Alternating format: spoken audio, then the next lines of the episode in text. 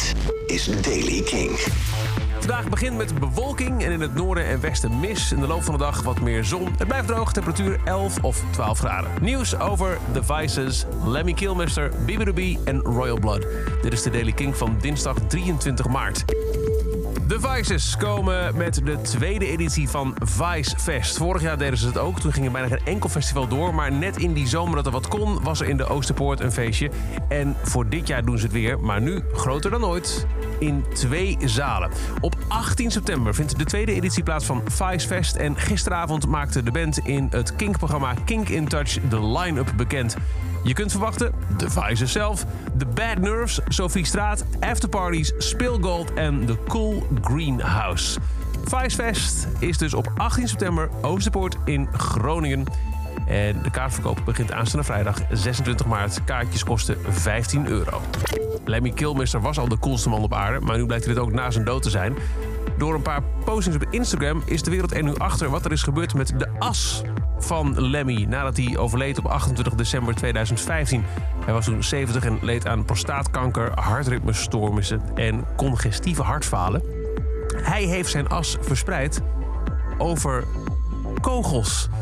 Uh, de onthulling komt eigenlijk dankzij Ricky Rockman, die ooit de Headbangers Ball presenteerde.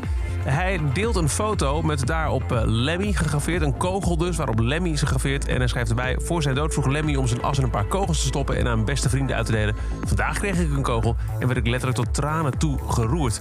Uh, bericht van aandacht volgt op een bericht op Instagram van vorig jaar door uh, Pat Cash, voormalig proftennisser, die ook zo'n kogel deelde. En zei dat het naar zanger Whitfield Crane van Ugly Kid Joe ging.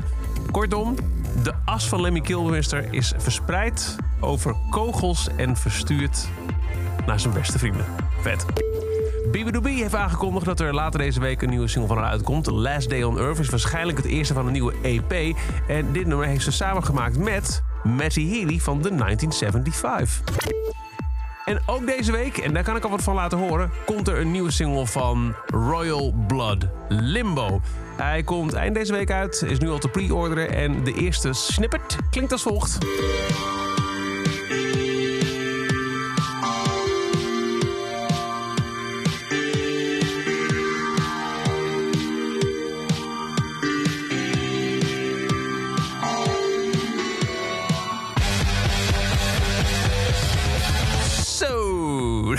dat klinkt goed. Ja, meer hebben we nu nog niet. Later deze week dus wel de nieuwe single van Royal Blood, opvolger van Typhoons. En ook te vinden op dat album Typhoons, dat eind april uitkomt, gaat dus Limbo heten.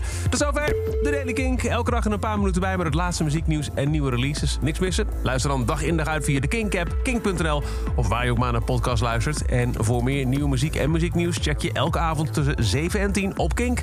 Kink in Touch. Elke dag het laatste muzieknieuws en de belangrijkste releases in de Daily Kink. Check hem op kink.nl of vraag om Daily Kink aan je smart speaker.